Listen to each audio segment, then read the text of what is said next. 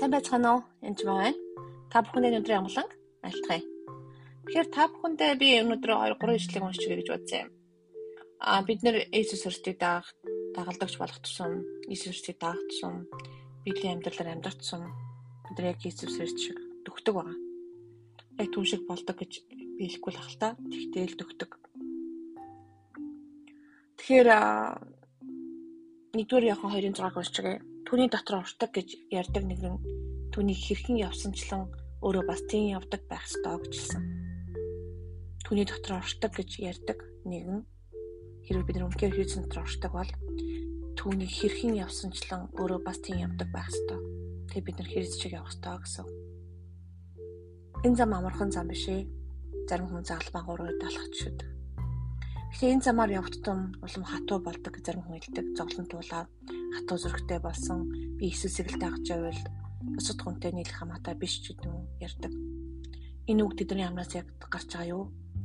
Би заримдаа муу нэгний амнаас гарч байгаа юм шиг сонсдог надад бол. Ягаад вэ гэвэл сатан бурхныг даахгүй төрсөлсөн байгаа. Тэгэхээр ингээд итгэлээр ундаг хөссөн өн олон хүмүүс идгээд чөлөөлдөг ямар ч байж болно л доо Аа тийм тэгсэн хэдий боловч бид нар Христийн биеийг ерөөсөө мартаж болохгүй. Христийн бие ганцаараа оршин тогтнодгүй. Бид хамтдаа байвал хүчтэй байдаг. Ялангуяа Христийг дагдаг хүн бол яг түн шиг явах ёстой. Түн дотор оршдог гэж ярьдаг нэгэн түүний хэрхэн явсанчлан өөрөө бас тийм явдаг байх ёстой. Гэрлийн дотор байдаг гэж хэлчихэд ах トゥ үзий яддаг нэгэн бол одоо хүртэл харахгүй дотор байгаа юм. Ах トゥ хайрладаг нэгэн гэрлийн дотор байгаа бөгөөд түүний дотор бүдүүлэх шалтгаан байхгүй дөрөв Коринтын 2-ын 6 тэгээ 9 сарыг хамт уншлаа. Тэгэхээр бид бүнхээр түүний дотор оршдог байх юм бол түүнийг дагдаг байх хэвээр дагаа зогсохгүй бас яах вэ? Ах トゥ га хайрладаг байх хэвээр. Хайр байхгүй бол бид нэр хэнгэрэг зам болж хувирна. Тэр учраас хайрыг ойлгож мэдэх явдал үнэхээр номер 1 чухал зүйл. Хайрыг ойлгож хайрын гүн гүнзгий мэдэх тусмаа чи бусдыг шүүхэ болдог. Бусдад гомдгооч бас болдог байгаа бас нэг тийм төгс байх гэж хичээх шаардлагагүй болдог. Аянда хайр биднийг удирддаг. Авч явдаг баг. Бурхны хайр үнэхээр гайхамшигтай. Мэдлэгийг давдаг шүү. Мэдлэг ий давдаг түүний хайрыг мэдэх, мэдрэх, ий тис болгондоо мэдрэх гэдэг бол шал өөр зүйл. Заримдаа хүний ухаанаар хүмүүс хүнийг залах гэж ингэдэг гэж хэлж оролддог. Эсвэл магадгүй урт нь авсан туршлагаасаа хамаараад сүмээс ахтуу найс нөхдөсөө авсан туршлагаасаа хамаараад өвдсөн зовсон байж болно. Тэгсэн хэдий боловч үнэхээр хайр эдгээдэг байгаа. Хайр ямар ч шарахыг эдгээдэг. Хайр шарахыг эдгээж та үнэхээр тэр нээж нээж өгөх хэрэгтэй хайранд бүх шарах сарваа түнд итгэх хэрэгтэй. Заримдаа хүмүүс хоолт хийгээд буюу бариад байдаг. Нээж өгөхгүйсээ болоо шарахаа эдгээдэггүй. Тэр үнэхээр эзэн рүү ойр тутасмаа та нэгдэх хэрэгтэй болдог. Нийлдэхтэй болдог. Хуучин өнгөрсөн шарах чинь ямар сэтгэлийн дарамт байхгүй арилдаг байгаа. Тэгээ эзний хайрыг мэдсэн маа та олон хүн тусалж тэднэртэй хамт байхыг хүсдэг. Тийм болохоор энэ христийн дагалдагч байхын тулд та өөрөө дагалдуулагч бас байхын тулд сайн дагалдагч байх хэрэгтэй. Тэгээд бас танд сайн ментор, сайн багш та байхад ерөөсөө буруутгах зүйл байхгүй. Яагаад вэ гэж юу? Яагаад гэвэл Эфес 4:11-ийг хэлээ. Тэр зармыг нь илч, зармыг нь иш үзүүлэгч, зармыг нь сайн мэдээг тунхлагч, зармыг нь хончин бас багш болгочээ хэрэг үнэхээр үнэхээр ариун сүсээр л бүгдээр удирдах байсан бол Христийн биед ийм олон хүмүүс хэрэггүй байсан мэт те.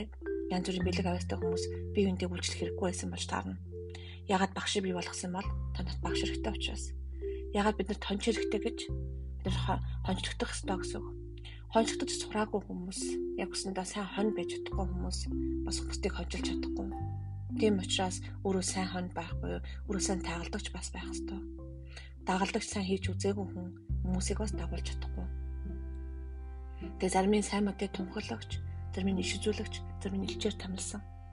Үнэхээр ариун сүнс бурхан Есүс үнэхээр энийг өөртөө хийдэг ба. Тэр Христийн бийг олон бэлэг авяас бие биентэй үйлчлэхэр томилогдсон байдаг. Тийм учраас та аль болохтаар сайн сүмжуулганд бас яваасаа гэж би хүсэж байна. Тэгээд өвдсөн ч юм уу эсвэл үнэхээр бурхнаас холдох үедээ би сүмд явдггүй байсан. Тэгээд тэр үедээ би гэтээ маш их би бурхнаас би холдсон гэж би хэлэхгүй. Би маш их библийг үздэг байсан. Гэтээ хизээч би ментороос олдоогүй. Миний би ментортойгоо 14 жил байсан. Үнэхээр би түүнийг хүндэж хүндэтгэж дагдаг байсан. Тэг би тэрүүнийг шүүж, би тэрүүнийг заах гэж эзэж оролдож байгаагүй.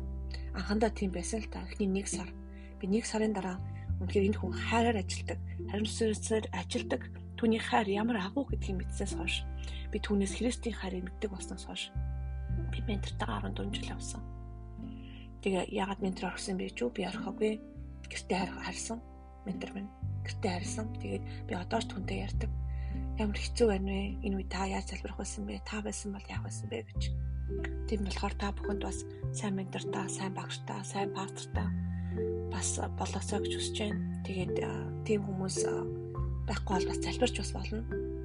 Тэгээд подкастыг минь үргэлжлүүлэн сонсороо. Боломжтой бас дэмжиж байгаараа та бүхэн бусдаа хуваалцж байгаараа танд баярлалаа. Баяртай. thank you